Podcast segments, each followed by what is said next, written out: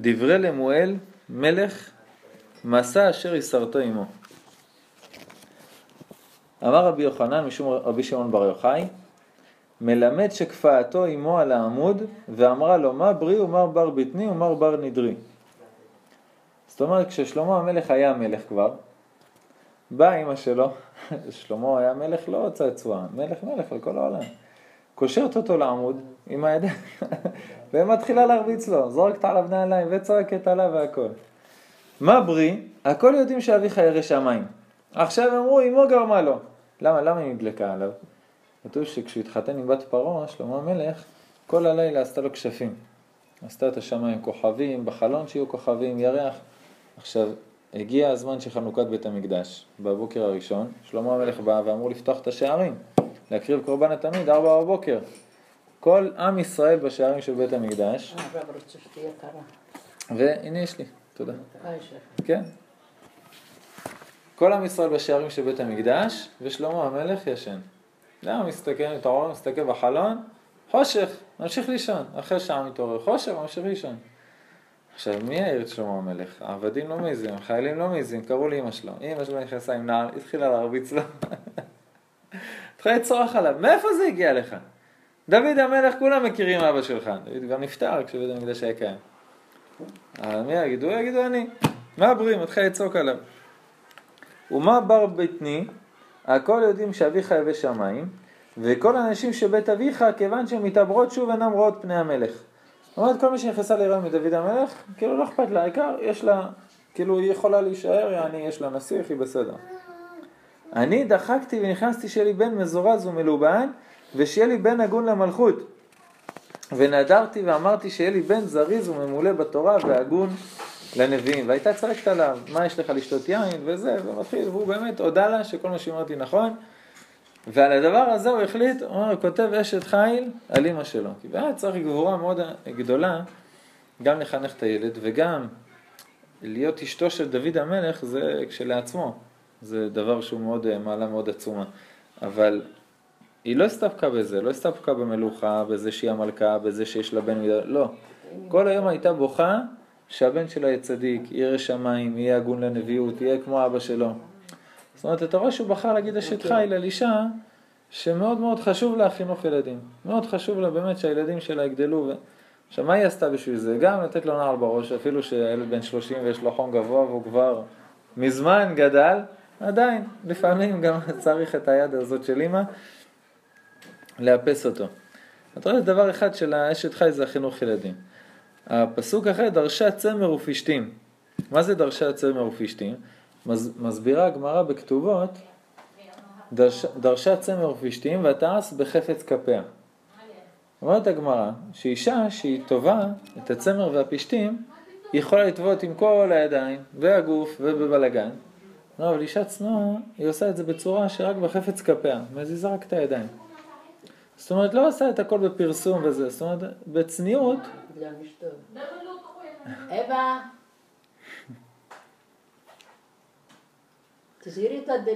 ואז ותעש בחפץ כפיה, אומר, זה גם צניעות של הגוף. זאת אומרת, אשת חי נכתב, אומר אישה שרוצה לקחת אה, את, הדברים הטובים האלה של האשת חיל, אומר דרשה אה, בצמר ופשתים ותעש בחפץ כפיה, אומר דברים של צניעות בגוף. אתה יכול ללכת ברחוב בצורה מסוימת, אתה יכול ללכת ברחוב בצורה אחרת. יכול להתלבש בצורה כזאת, להתלבש בצורה אחרת. אבל האמת, האמת, האמת שהצניעות של הגוף היא הכי קלה. למה? כי זה משהו חיצוני. הרבה הרבה יותר קשה זה צניעות בנפש. המלאכים שואלים את אברהם אבינו, איה שרה אשתך? אומרים, אומר להם אברהם, ויאמר הנה באוהל. אה, שרה אימנו, היום השיעור כאילו מוקדש לשרה אימנו, רק התחלנו מאשת חיל, עוד מעט נראה למה. לשרה או לרחל? לשרה אימנו. אני יודע שהיום זה י"א חשוון, וכל היום דיברתי רק על רחל אימנו בבית ספר, והכל, אבל עשינו פה שנתיים רצוף שיעורים על רחל אימנו, ונדבר עליה עוד קצת בהמשך גם. היום זה פרשת שבוע, זה על שרה. הצניעות שבנפש זה כבר ההתנהגות, המידות, הענווה. בפרשה של בנות צלופחד אנחנו רואים שבנות צלופחד מגיעות באות למשה רבנו ואומרות לו למה ניגרה?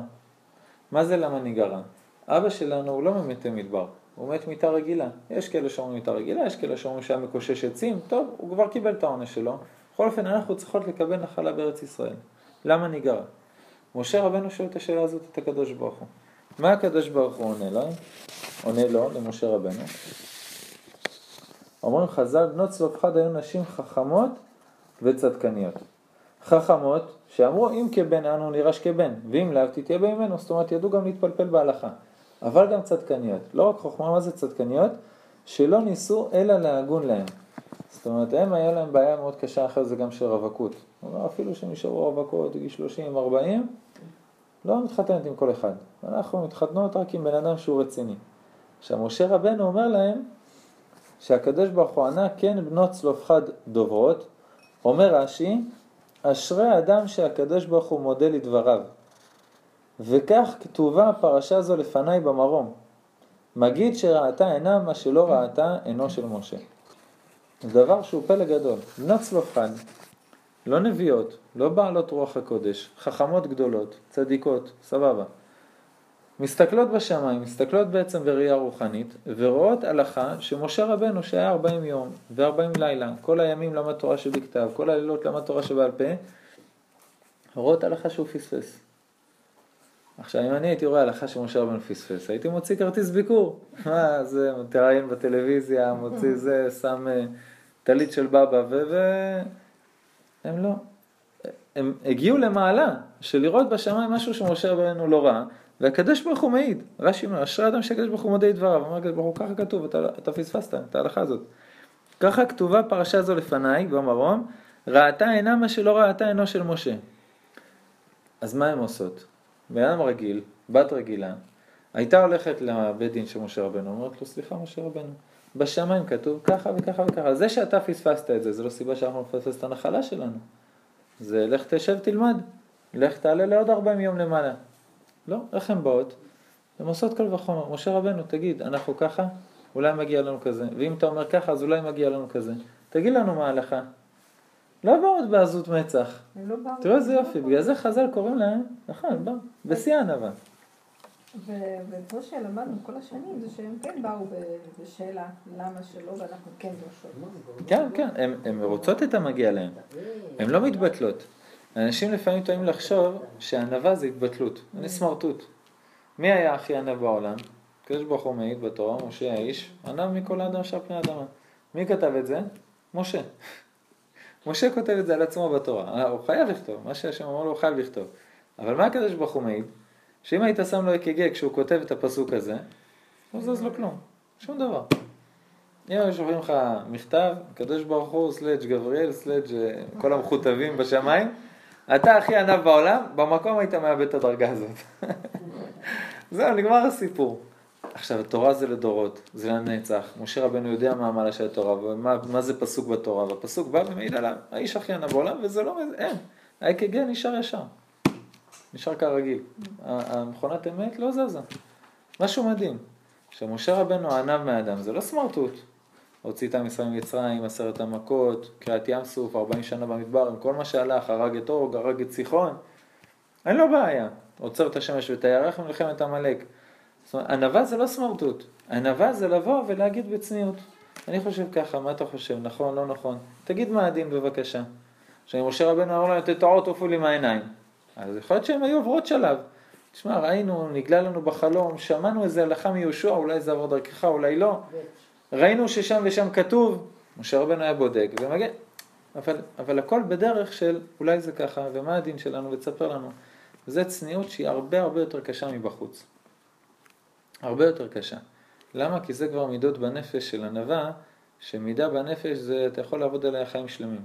זה קשור לקטע שגם אה, האדם ישמע אה, דברים קשים עליו מולו, הוא ישתוק, הוא... נכון. נכון, זה התומר דבורה כותב את מה שאת אומרת. הרמ"ק רבי משה קורדוברו בתומר דבורה כותב בדיוק את זה.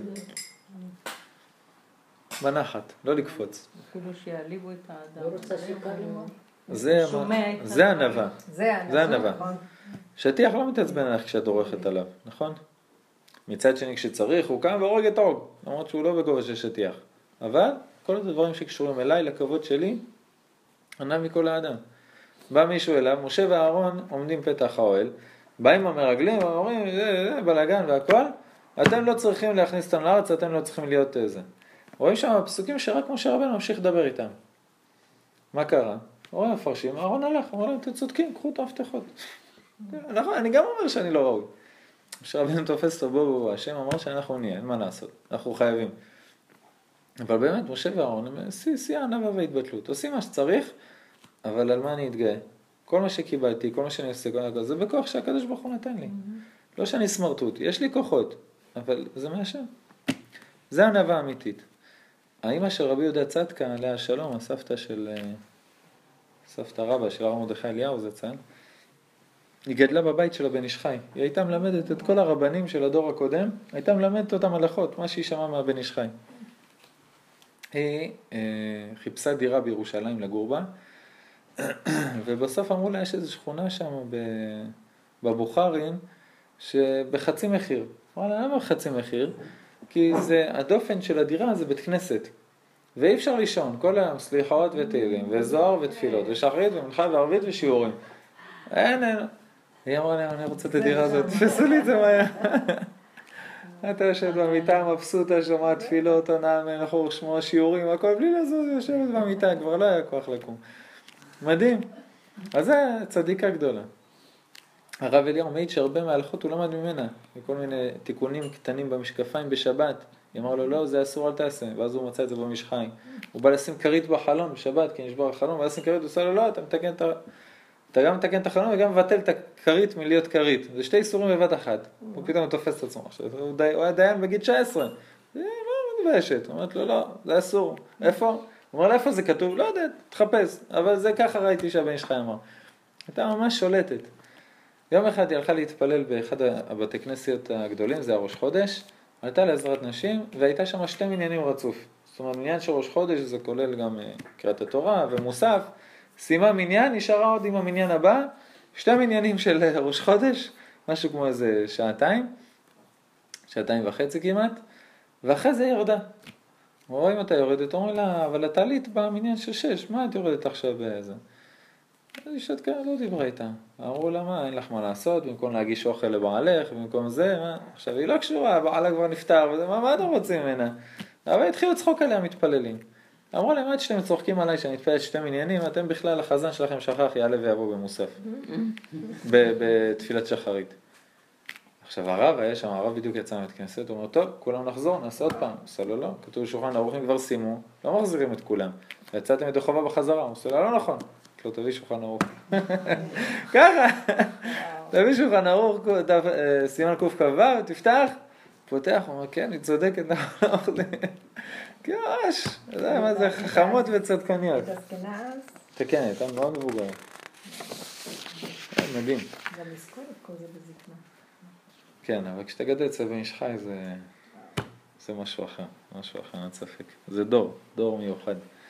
היה לנו מישהו שהתפלל איתנו בבית כנסת בבית אל, בן אדם שהכיר את הבן איש חי, ואחותו הייתה משרתת בבית של הבן איש חי. אתה רואה, זה דור מיוחד, זה לא, אין להם שאלות באמונה, הלכה, דברים והכל. כאילו אחרי שאתה רואה מלאך כמו הבן חי, אתה נגמר, שאתה חי כל החיים שלך צדיק גמור. הוא קבור ליד... אה, הבן איש חי, הבן איש חי זה סרט, הקבורה שלו, לא, זה החידה, ליד הרב אליהו. הבן איש חי נקבר בבגדד, אבל באותו לילה, אה, החכם מוצפי הזקן, אבא של הרב מוצפי של היום, באמצע דופקים לו בדלת, הוא פותח, הוא רואה קברן, מהחברה קדישא של ירושלים, היה להם בגדים מיוחדים, הכל, אומר לו, מה, מה אתה רוצה באמצע הלילה? תקבע פגישה, נדבר. הוא אומר לו, אה, הגיע לפה גופה מבבל, והמלווים שלו אומרים שזה הבן איש חי. באו לקבור אותו בהר זיתים. הוא אומר, בן איש חי נפטר? הוא אומר לו, כן, הנה פה בחוץ, רואה שם ארבעה אנשים מחזיקים איתה. הוא אומר לו, זה בן איש חי. בוא, אה, תלווה אותנו. בטח, הבן איש חי, בטח שאני אלווה אתכם. הוא לא הבין איך הגיע, לא הגיע, אבל בסדר. מגיע איתם להר הזיתים, קוברים אותו שמה, וביקשו ממנו תשלום, אמרו לו אחרי זה תבקש מהמשפחה, שילם להם על המסע, על הסבלות ולקברן, בבוקר הוא בא לבית מדרש, הוא אומר להם, שמעתם שהבן שלך נפטר וקברו אותו אתמול? הוא לא, הבן שלך חי וקיים ובגדד, מה יש לך? אחרי שלושה ימים הגיע טלגרף מבגדד שהבן שלך נפטר, מתי? בדיוק באותו לילה. עכשיו, קברו אותו שמה. ובאותו לילה, כאילו, הקברן מגיע עם הגופה, תקבור אותו בהר הזיתים. הרב מוצפי הולך לחברה קדישה, אומר להם, מי היה פה אצלי בלילה שלוש בו? לא אף אחד, כבוד הרב. אומר להם, נראה ככה וככה וככה. הוא אומר לו, נכון, יש לנו מישהו כזה בחברה קדישה, אבל הוא נפטר לפני עשר שנים. הוא כולו יצמרמר. אז הוא אומר להם, טוב. ואז הבינו שהגופה שלו, המלאכים, הביאו אותה מבבל לארץ ישראל להיקבר בהר הזיתים באותו לילה. יש עד היום עמוד מעל הרשש, הקבר של אור החיים הקדוש, מעליו יותר קרוב לכביש זה הרשש. מטר מהרשש יש עמוד, באייפון הקודם יש לי את התמונה של זה, עמוד עם כל הסיפור שהוא שם שם כמו מצבה. כל הסיפור הזה כתוב שם בתור מצבה גדולה, יפה, מדליקים שם נרות, מתפעלים שם. דרך אגב, הראש ישיבה של ישיבת רבי שמעון בר יוחאי, אה, כשנפטר רבי יעקב אבוחצירא, לפני בערך 150 שנה, משהו כזה, אז הוא מת בלילה, העירו אותו, אמרו לו בוא תשתה בגבורה, זה רבי, רבי יעקב אבוחצירא, קוברים אותו פה בין רשב"י לרבי אלעזר. הוא מעיד? זה מדהים איך שהצדיקים לא... עכשיו, החסד אברהם כותב את זה פירוש, הוא אומר, הצדיקים שרצו כל חיים לעלות לארץ ישראל, בשנייה שהם נפטרים באותו לילה, מעבירים את הגופה שלהם לארץ ישראל. הוא אומר גם הפוך, בן אדם שכל החיים שלו היה בחוץ לארץ, לא רצה לעלות לארץ ישראל, ונפטר, אבל בצבא הוא כתב תקברו אותי בארץ ישראל. באותו לילה הגופה שלו הפכה חזרה לחוץ לארץ. הוא אומר, למה, מה, אתה בעטת כל החיים שלך בארץ ישראל, מה, למה, מה קרה שתזכה עכשיו? אה, מדהים, מדהים. לא, בן אדם שמשתוקק לארץ ישראל יגיע. אין, אין דבר כזה שלא יגיע. מדהים. אימא אה, שלי מספרת שסבא שלה, כאילו אבא של סבתא, אבא של סבתא מלול, סבתא יעל, אז הוא כל החיים שלו אומרת, אין יום שהוא לא בכה על ארץ ישראל, דיבר ארץ ישראל, אמר להם, אני מת לעלות, אין יום. כשהגיעה אפשרות לעלות, הגיעה ספינה למרוקו לקחת אותה, באו לעלות לספינה, אומרים לו, החבר'ה שם של השומר הצעיר בספינה, אומרים לו, הוא לא עולה, הוא חולה לב, אנחנו צריכים אנשים בריאים בארץ ישראל. כל החיים בחר ישראל. היא אומרת שאם היו אומרים משהו לא טוב על ארץ ישראל, הם היו מקבלים עונש, יום שלם היו בעונש. איך אתם יכולים להגיד משהו לא טוב על ארץ ישראל? הוא לא, אתה לא עולה, אתה באמת נפטר במרוקו. רק אחרי שהוא נפטר, המשפחה עלתה. הוא אומר, הבן אדם כזה, אני בטוח, באותו לילה הגיע לארץ ישראל, הגיע לפניהם. הם צריכים לנסוע עוד באונייה. השתבח שמו. חז"ל כותבים שעוד מישהו אמר אשת חיל על עוד מישהי, לא רק שלמה המלך. כותב המדרש תנחומה, בשעה שהיה אברהם מקונן על שרה, מתי שהוא חוזר מעקדת יצחק והוא מוצא ששרה ממנו נפטרה, התחיל אברהם לבכות עליה ולומר אשת חיל ממצא. והמדרש שם אומר בתנחומה את כל הפסוקים, איך הם מתאימים לשרה. זה שאמר על שרה ממנו אשת חיל, מגיע לה, נכון? נכון. וכתוב שם ש... מה שהקדוש ברוך אומר לאברהם אבינו, כל אשר תאמר לך שרה שמע בקולה, שהיא גדולה ממנו בנביאות.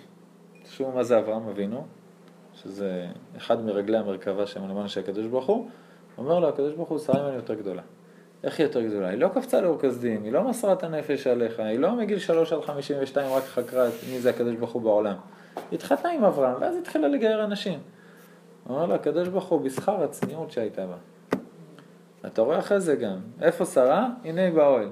מה זה באוהל? היא, היא עושה כל מה שצריך, הופעה, מבשלת, הכל, מגיירת, היא הייתה עושה שיעורים, עושה אגודות, הכל. להחזיר כל, את כל בנות ישראל בתשובה. אבל עכשיו מגיעים שלושה ערבים, היא לא, היא לא זאת שתבוא ותגיש להם את היין. הוא אומר, שלום שלום, אני באוהל, אני לא מתכוונת. הוא אומר, בשכר זה זכתה לרוח הקודש יותר מאברהם אבינו. עכשיו, משרה לומדים דין מאוד חשוב בהלכה. אומרת הגמרא, ואמרו לה, ויש שרה אשתך במענה באוהל, להודיע ששרה ממנו צנועה הייתה. אמר רבי יהודה, אמר רבי איתם רבי יצחק, יודעים היו מלאכי השרת ששרה ממנו באוהל הייתה. זאת אומרת, מלאכים לא ערבים, אז למה שואלים? מה היא באוהל? לחבבה על בעלה. ופה יש יסוד מאוד גדול. הוא אומר, בן אדם, כמו אברהם אבינו, אין לו בעיות בשלום בית. שרה ממנו, היא גם לא אחת עם בעיות בשלום בית. אבל צריך להבין שזוג תמיד, תמיד, תמיד, תמיד צריכים ללוות את הדבר הזה של השלום. זה לא, זה לא עובד כשהתחתנו, אהבנו, לא השתנה שום דבר, אנחנו גם עכשיו אוהבים, זה לא עובד. צריך כל פעם לחדש ולחדש ולחדש ולחדש. מגיעים מלאכים לאברהם ושרה, הם לא צריכים עזרה, אברהם ושרה ממנו. באים המלאכים, אומרים לו איפה שרה? באוהל. למה? לעורר לו עוד קצת חיבה לאשתו. לעשות שלום בית ביניהם, שיגידו דברים טובים אחד על השני. אתה רואה, זה ממש דבר, מי שיכול לגרום לבני זוג להגיד דבר טוב אחד לשני, הוא עושה את העבודה של המלאכים. בכל אופן, אומר רש"י, אומרת הגמרא שם בהמשך, תני משום רבי יוסי, למה נקוד על היו? כן, איה באוהל, יש שם ניקוד בתורה, תסתכלו באותיות של ספר תורה, יש נקודות על המילה הזאת. לימדה תורה דרך ארץ שישאל אדם באכסניה שלו. ואמר שמואל שואלים בשלום אישה כלל, על ידי בעלה שאני. אומרת הגמרא, בן אדם מגיע להתאכסן באיזה מקום, שיגיד שלום לאישה. אסור להגיד שלום לאישה בכלל. אתה לא בא לאשתו של מישהו, אומר לה, מה שלום, איך הכל בסדר, הכל טוב, איך התעוררת בוקר? לא שייך. אומר רש"י, למה לא שייך? מתוך שאלת שלום יראו גילים זה מזה ויבוא לידי חיבה. מה יש לך לעשות עם חיבה לאשתו של השכן? אז אומרת הגמרא, לא, על ידי בעלה שאני... המלאכים לא שאלו את שרה מה שלומך, המלאכים שאלו את אברהם, מה שלום אשתך? אומר רש"י זה בסדר גמור, אומר התוספות, שואלים בשלום האישה על ידי בעלה דווקא שאלת שלום, אבל לא לשלוח לה בשלום אפילו על ידי בעלה. לא להגיד שהבעל, לא, לא להגיד לבעל, תמסור דש לאשתך. הבעל כאילו תתחיל להסתכל עליך ככה, מה זאת אומרת? מה, מה אתה עושה שם? אומר הרמב"ם, אסור להשתמש באישה כלל, בין גדולה, בין קטנה, בין שפחה, בין משוחררת, גם קטנה, בת שלוש. הוא אומר שלא, שלא תחץ לך את הרגליים, תשקה אותך יין, תציע לך את המיטה, הוא אומר כלום. שום דבר, ככה הרמב"ם מפרט. שם, ואין שואלים בשלום אישה כלל אפילו על ידי שליח. בסדר? אז התז כותב, אשתי מוסרת דרישת שלום לאשתך, או אני מקווה שאשתך מרגישה בטוב, או אני מקווה שהכל בסדר עם הרבנית, סתם כל מיני דברים כאלה. לא חס וחלילה למסור דש לאישה. זה דין מאוד חשוב שלומדים מהצניעות של שרה אימנו, דבר מאוד גדול.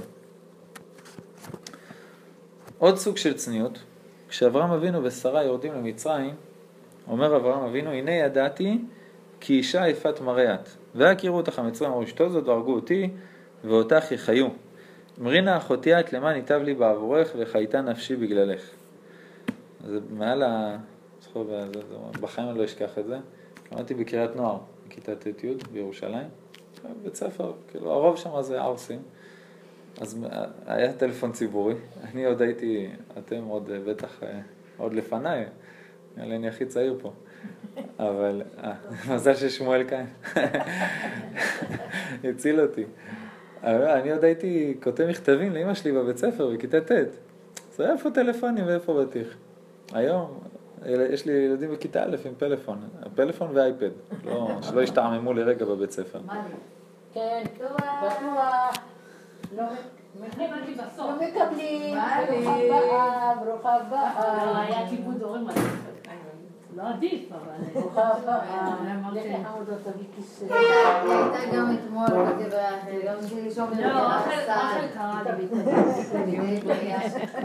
היא צריכה לברך אותנו. זכות רחל ימינו. בואי ניגע בה. היית חסרה. הפעם הראשונה. הנה, באת בגלל זה. חסרה מאוד, טוב שבאת.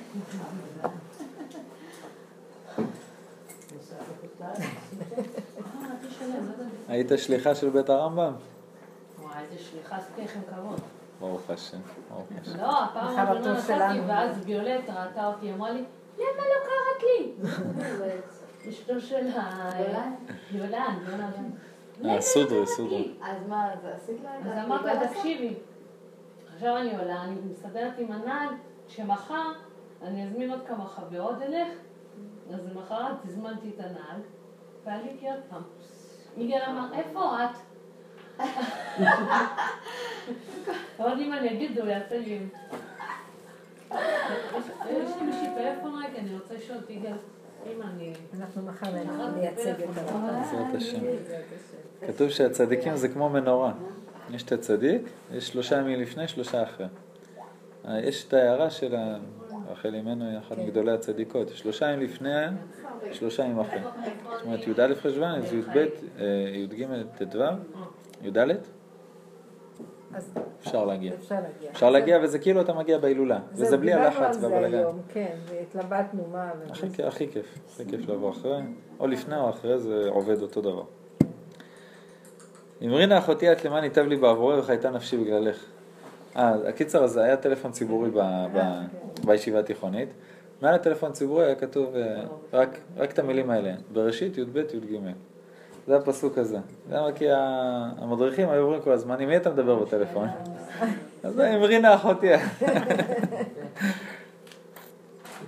שואלים חז"ל, מה, עד שהוא ירד למצרים, שרה אימנו הייתה באותו גיל בת 65. עד שהוא ירד למצרים, הוא לא הכיר בזה שהיא יפה, מה זה, יכול- כאילו, איננה ידעתי שיפת מראה את. אומרים המפרשים, בזה שהיא הסכימה איתו שהוא יכניס אותה למזוודה, בזה הוא ידע שהיא צנועה ושהיא יפה. מה זאת אומרת? יש יופי ויש יופי. יש יופי שהוא כמו של שרה אימנו. חז"ל אומרים, שרה אימנו, כל אדם בפני שרה כקוף. זאת אומרת, כל אדם רגיל היית שם ליד שרה, היה נראה כמו קוף, ליד היופי של שרה אימנו. כמו חווה. חווה אימנו יש מחלוקת בגמרא, יש שבע נסיכות אדם, זאת אומרת שבע הכי יפות בעולם, מחלוקת מי מספר, אה, מי אחד ושתיים, או חווה או שרה. זאת אומרת, הם שתיהם רבות על המקום הראשון. מה אתה אומר? בטח לא דומות לי, לא? מה החשיבות, מה החשיבות כל כך להדגיש את האתיופיה של האישה? זה, זה בדיוק זה, זה בדיוק זה. למה צריך? זה מה ששלמה המלך אומר שהכל האבל. זה שאני אגיד הכל האבל, בסדר, אני לא ניסיתי הכל. שלמה המלך היה לו את כל העושר, כל הנכסים, הכיר את כל מה שקורה בעולם ואמר הכל האבל.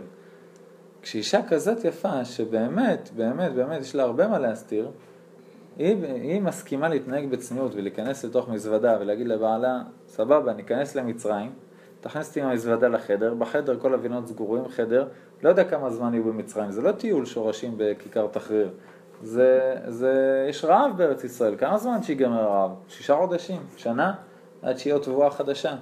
היא מוכנה שאף אחד לא יראה אותה בעולם במשך תקופה כזאת. עכשיו, אישה עם כזה יופי שמוכנה לעשות את זה, זה מעלה כל כך גדולה. בדרך כלל שאישה, לא יודע מה, הקדוש ברוך הוא בורא אה, בחורה עם מידות טובות, מתכוון בגופניות, והיא אומרת, וואי, אני כל כך יפה, אני כל כך זה, מתחילה לקבל הצהרות מסוכניות, הולכת לדגמן. בחורה כזאת, תגידי לה, שימי, אסור ביהדות לעשות את זה, אבל תגידי לה, שימי על עצמך שעל שאף אחד לא יראה את היופי שלך. זה הכי מבאס בעולם. כאילו, יש לי מה להציע, זה לא שאני מכוערת. אבל שרה ממנו, עם כל היופי שלה, אומרת לו, בכיף, תכניסי למזוודה, שאף... זאת אומרת, זה גדולה עצומה, על, על הצניעות הזאת היא קיבלה רוח הקודש יותר מאברהם אבינו. אבא שלי היה מנהל בנתיבות, מנהל של המקיף עזתה. היה שם 1,700 תלמידות במקיף הזה, תיכון אה, מקיף עזתה, עכשיו זה תיכון דתי. ויום אחד הוא רואה מודעות בכל הפרוזדורים של התיכון, תחרות יופי, של כל מחוז דרום. עכשיו, זה, זה הבעיה אצלו, כאילו, זה 1,700 בנות. עכשיו, לך תסביר להם שתחרות יופי זה לא בדיוק הדבר הכי צנוע. הלך, חשף את כל התלמידות בחצר, כל המורות, תלמידות, הכל כולם, עלה ל- לרמקול, אמר להם, תקשיבו, מתוך ה-1700 תלמידות שפה, אני בטוח ש-90% יכולות לזכות בתחרות הזאת. 10% זה המורות, כך אמר להם בסוגריים. הוא אחרי זה רצחו אותו בחדר מורה. אבל תשמרו את היופי הזה שהקדוש ברוך הוא נתן לכם לדברים טובים. אני מבקש מאוד שאף אחד לא תלך לתחרות. הוא אומר, התחרות התבטלה בגלל ש-1700, 1600, כמעט, 1700 מתמודדות ביטלו במקום. זה גבורה. זה גבורה, זה דבר מדהים.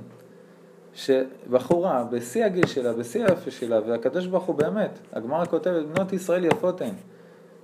זה יופי שאין אותו בכל העולם. זה, הבנות של עם ישראל זה דבר מיוחד, וזה חן, כמו שיש על אסתר, חן, חן יהודי, חן של קדושה, של נשמה, של אלוקות שיש על, ה, על הבחורה הזאת. והיא מסכימה להסתיר את עצמה, אני לא מדבר על שם, אני מדבר על להסתיר בצורה נורמלית, זה עוצמה מטורפת. אני לא חושב שבנים היו מסוגלים לעמוד בזה. נראה לי שעם המטלות שיש לנו שאנחנו לא עומדים בהן, בדבר כזה בטוח לא היינו עומדים, אבל זה דבר שהקדוש ברוך הוא האמין בבנות. הוא נתן את זה בתור משימה, זה דבר גדול. עוד דבר מאוד יפה, כותב המדרש של שרה אימנו, והשם פקד את שרה, שהקדוש ברוך הוא בא לבשר, המלאכים באים לבשר לשרה ולאברהם על הילד שייוולד להם, שרה מתחילה לבכות. אני לא מדבר על הפסוקים, שצחקה והכל, איך זה הגיוני, דבר, מתחילה לבכות. כנראה זה קרה אחרי זה, נכון? זה מצוי שאישה מקבלת בשורה כזאת, הדמעות ישר יורדות. הוא הוא מרוקאי, לא?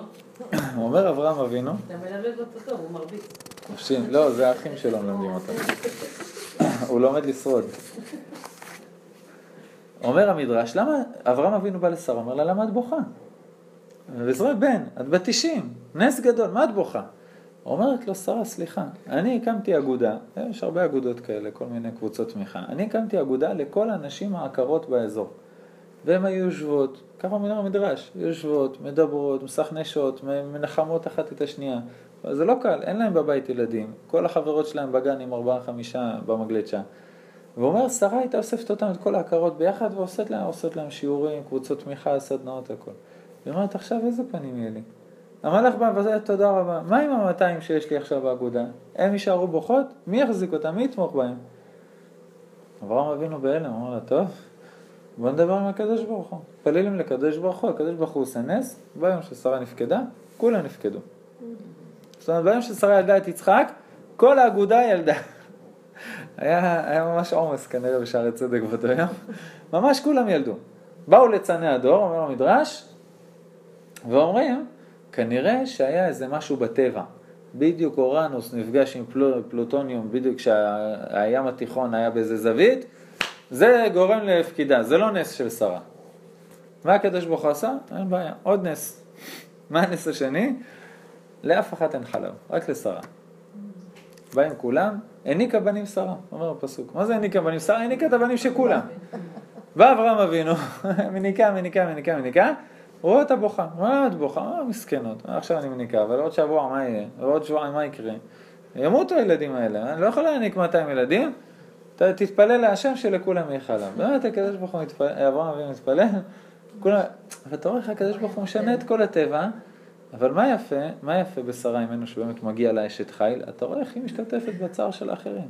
לא אני את נפשי הצלתי, אני בסדר, הכל טוב, עשיתי טיפולי פוריות, וזה, ביי, אני הולכת למגלצ'ות, אתם תחנקו. אומרת לא, היא בוכה, היא בוכה, לא מספיק לה התשועה שלה, היא רוצה שכולם יבשו גם איתה ביחד.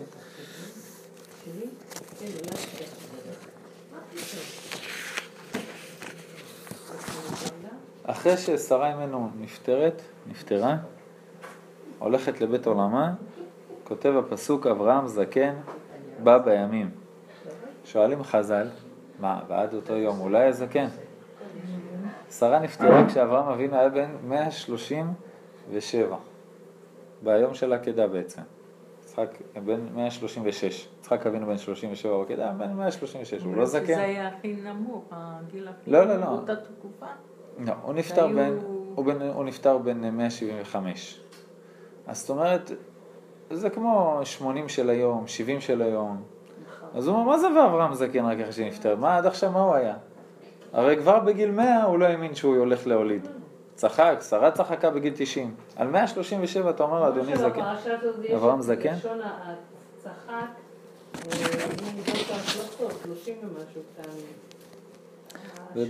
זה מתאים לרבנית ימימה. לדבר על זה. כן, אני שמעתי את זה ברדיו בקול ברמה. כן. אומר המדרש, עד אותו יום הייתה לו מישהי שדחפה אותו. אומר המדרש, מפה אתה מבין מאיפה הכוח שהיה לאברהם אבינו. הייתה לו אישה בבית, באוהל, שדחפה ודחפה ודחפה ודחפה, שיגייר ויעשה אנשים ויצא לפתח האוהל בחום היום ביום השלישי למילה, ויביא לה עוד אורחים, ואני הכנתי שבת פי שתיים ואתה תדאג שיהיה פה אורחים. זה שרה ממנו, ברגע שנפטרה אברהם זקן. הוא אומר, אין לו, הלך לו המנוע. אתה רואה מה זה שרה ממנו, זה דבר מדהים. ואתה רואה גם ש... או נכבה הנר עד שבאה רבקה. אה, רחל בעצם. לא. רבקה. לא, רבקה. רבקה. באה ליצחק, יצחק זה רבקה. נר ענן והברכה. נכון. ויהי בבוקר והנה היא לאה. איך יעקב אבינו לא הרגיש עד הבוקר זאת לאה? באמת, רחל נתנה לו את הסימנים.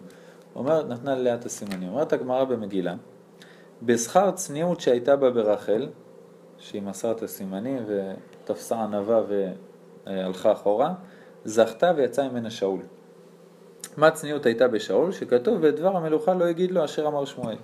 לפיכך זכה ויצא ממנו אסתר, שנאמר אין אסתר מגד תמר, בן שאול בן קיש איש ימיני, אסתר היא צאצאת שאול, של שאול בזכות הצניעות שלו. שאול הוא צאצא של רחל בזכות הצניעות שלה. רחל היא צאצאית של שרה, בזכות צאצאית הכהונה מבחינה רוחנית, הכהונה ממשיכה את הדרך של האימהות, שהיא קיבלה את הנר ואת החלה ואת הברכה ואת הענן, היא ממשיכה את הדרך של שרה ממנו. מפה אתה לומד כמה דברים. קודם כל אתה לומד שצניעות זה לא רק בגוף, זה לא רק אורך של שרוולים וכמה אתה עושה ככה וכמה ככה. צניעות, אתה רואה שאצל רחל זה שהיא מסרה את הסימנים. זאת אומרת, היא מוכנה לוותר, היא מוכנה להיות בענווה. ואני חושב שזה המלבים כותב על לאה, זה ארבעים תימים אגם אומרת את זה בשם המלבים. לאה באה עם הדודאים לרחל ואומרת לה, ואומרת לה, מעט קחתך את אישי, לקחת גם את דודאי בני? איך את יכולה להגיד את זה לרחל? לקחת את אישי. אני הבאתי לך אותו, אני מסרתי את החיים שלי, אני הייתי אמורה להגיע לעשו. יעקב לא מתעקש, היא בעצם הייתה מקבלת את עשו, במקום לאה. איך את אומרת דבר כזה? איך את אומרת דבר כזה? אומרים המפרשים, היא אף פעם לא גילתה ללאה שהיא מגלה לה את הסימנים. פשוט ישבה ולמדה איתה את ההלכות נידה, חלה, נר, כל מה שאישה צריכה לדעת. וכשיעקב אבינו שמע בלילה, שאל אותה בלילה, היא ידעה מה לענות. היא לא ידעה בכלל שרחל ויתרה. זו עוצמה מטורפת, שלא של שנייה של למסור את הסימנים. זו עוצמה של שנים. שנים לחיות ליד לאה, והיא באה אליה ואומרת לה, גם לקחת לי את הבעלי, אני התחתנת אחריי, באותה שנייה צריכה לתת לה בוקס. די חלאס, עד היום לא גיליתי לך, אבל יעקב היה שלי. כלום. צניעות שלא מספרת שום דבר. מה גורר את הצניעות הזאת שהיא לא מספרת? יוצא ממנה שאול. שגם שאול לא מספר. בא שמואל הנביא, מושך אותו למלך, הוא חוזר לעבוד עם האתונות, עם אבא שלו, לא מספר לאף אחד. לא מוציא כרטיסי ביקור, מלך, הכל, עכשיו אני אעשה. כלום, שותק. הוא אומר, זה צניעות. מסחר זה יצא ממנו אסתר, שהיא באמת הצניעות של אה, לא אומרת את אה, עמיו, אין אסתר מגד את עמיו ואת מולדתה. ומפה אפשר ללמוד עוד, עוד משהו של צניעות. לא לספר דברים, לא שאסור לספר. יש דברים שאסור לספר, ויש דברים שאתה צריך לספר. מה עם כל הדברים שבאמצע? לא אמרו לי לא לספר. מותר לי להגיד את זה? אומר החפץ חיים בהלכות לשון הרע, כל דבר שלא אמרו לך בפירוש, את זה אתה יכול לספר, אסור לך להגיד. מישהו סיפר לך משהו, סתם. לא אמר לך אל תגלה או תגלה. אסור לך להגיד את זה, לאף אחד. רואים חז"ל זה צניעות. להסתיר את הדברים אצלך בלב, נאמן רוח אה, אה, מכסה דבר. מה, כמו מה לדוגמה? איזה מין דבר שמישהו אומר לך? חברה שלך אומרת לך משהו, אתמול הייתי במכולת ונפל לי הסוכר על הרגל, וזה כאב לי. יש בעיה לספר את זה? לא. לא, זה, זה לא משהו רע, זה לא שקר, זה לא רכילות, זה לא, הכל בסדר. אסור לך להגיד את זה. כל עוד לא אומרים לך בפירוש את זה, תספר, אסור לך לספר. את מתלבטת? תרימי לה טלפון, מותר לספר על הסוכר? זה הלכות לשון הרע. אז אומרת, אז אה, אה, שרה ורחל ושאול ואסתר, אומרים לך מה זה צניעות, אתה רואה שזה, שזה, כן, באמת אה, רוב הזמן, אני לא יודע אם לשתוק, אבל רוב הזמן הבעיות הכי גדולות שלנו זה הפה. אומר המרשה, עוד, עוד משהו של צניעות שאפשר ללמוד, מכלל הצניעות היא שלא יודיע האדם את מעלתו, כנאמר יעללך זר ולא פיך. מכירים אנשים ש, שמספרים על עצמם? זה תחביב כזה. מדבר ומדבר ומדבר ואני עשיתי ככה ואני ככה ואני ככה. הוא אומר זה לא בן אדם שהוא צנוע. בן אדם שהוא צנוע תשמעו את זה, מישהו אחר שיספר עליך וגם אז שיספר רק קצת. אח שלי, אה, יהודה, הסתובב בצפת, עוצר אותו איזה בחור מוזר לחלוטין, אמן.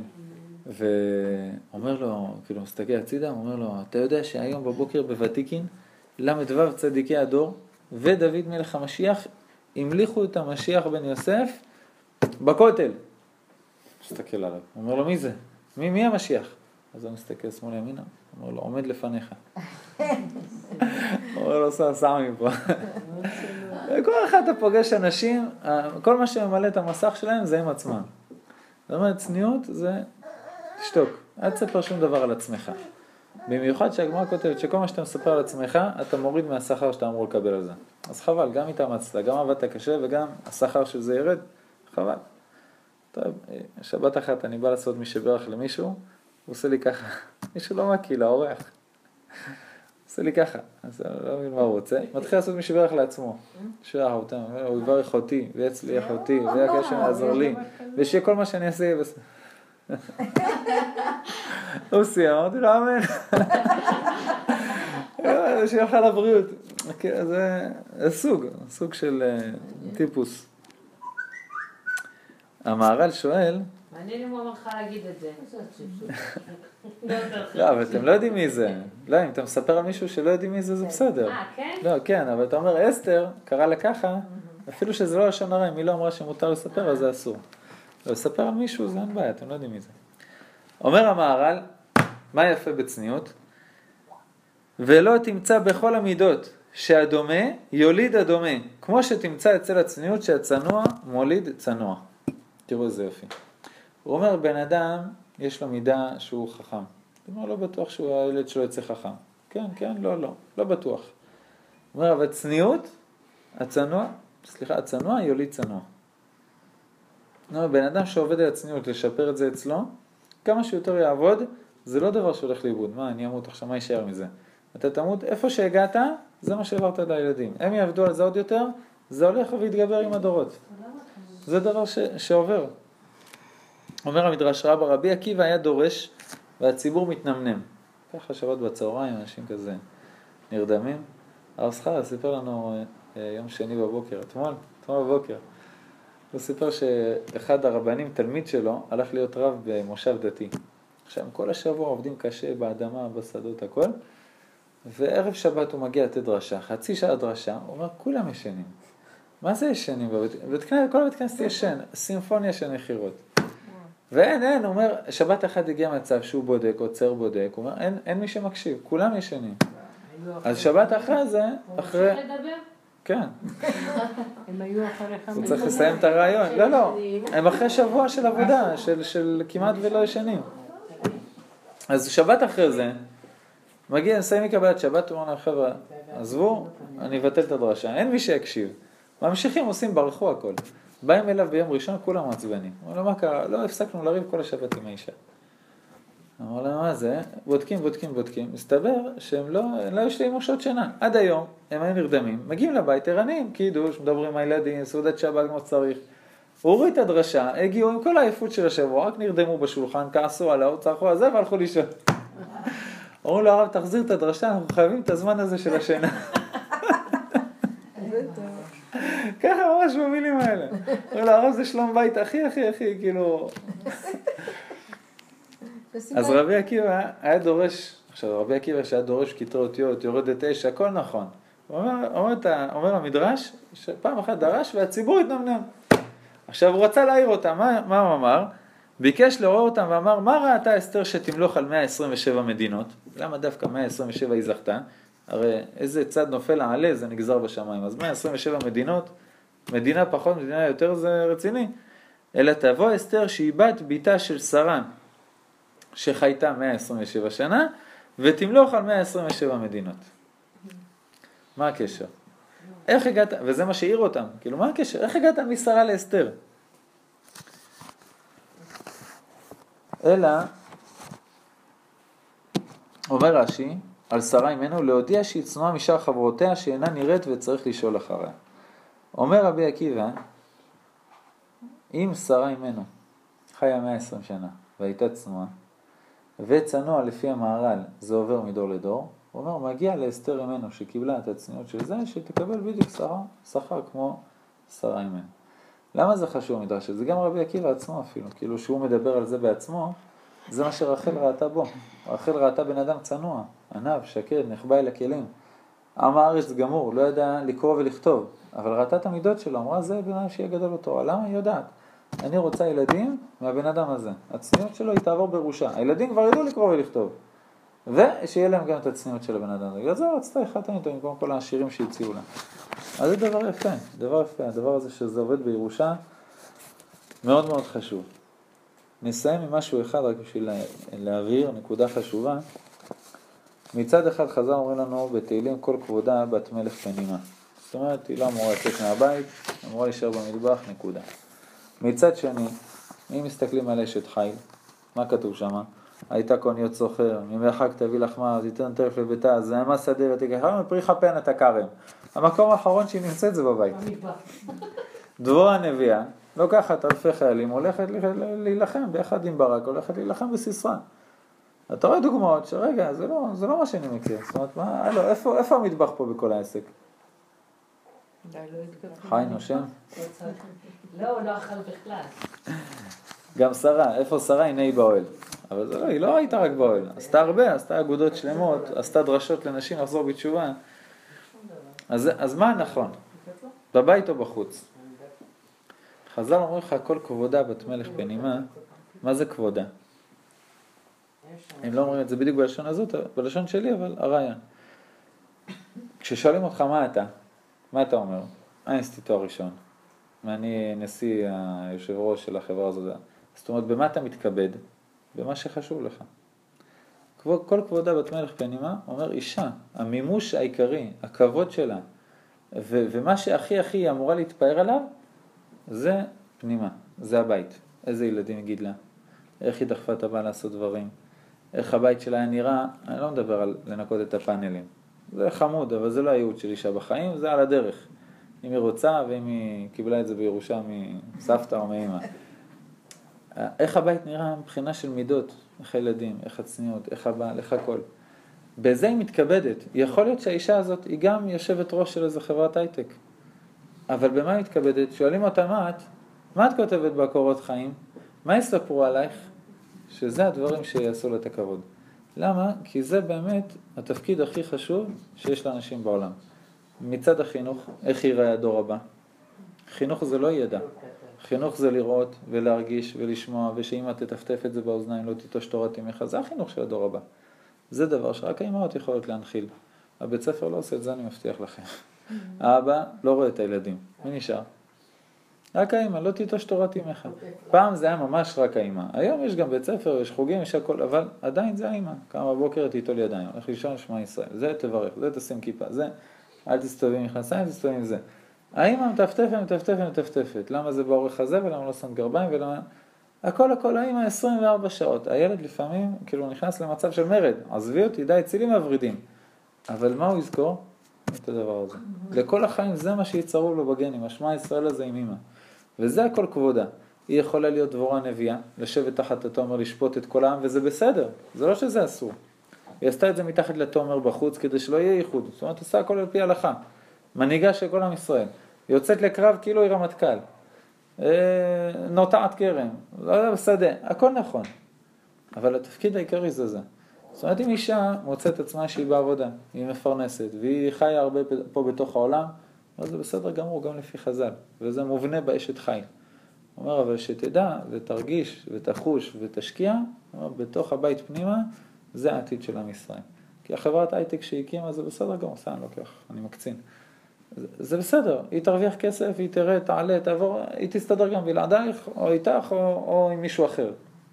את זה, את, הדור הבא של עם ישראל, את הילדים, אין אף, אחר, אין אף אחד אחר שיכול לעשות. וראינו גם על אברהם זקן, שגם הבעל צריך את האישה בשביל אה, להיות בעצם בדור הזה כבר של עם ישראל להיות ולפעול. אז זה בעזרת השם, שהשם יעזור מהדבר כבוד שמו. כמו שמרדכי אליהו כותב, כשאתה קורא את אשת חי זה נשמע מאיים. מיליון דברים, וואו, איך אני יכול לעשות את זה? אבל הוא אומר, מעשה אבות סימן לבנים, מעשה אמהות סימן לבנות. הוא אומר, זה טבוע בך, הצניעות הזאת יעבור לנו בירושה, המידות האלה יעברו לנו בירושה, זה דברים שטבועים בנו בכוח מהאבות והאמהות. אז רק צריך לדעת להוציא את זה לפועל. לא צריך להמציא את הגלגל מחדש, רק באמת לדרוך בדרכים שהאבות כבר סללו לנו. השם יעזור לנו הדבר כבוד שמו בעזרת השם. הוא מתחיל, עכשיו הוא מתחיל לדבר, יש לו מה להגיד. בבקשה. לא שמתי את זה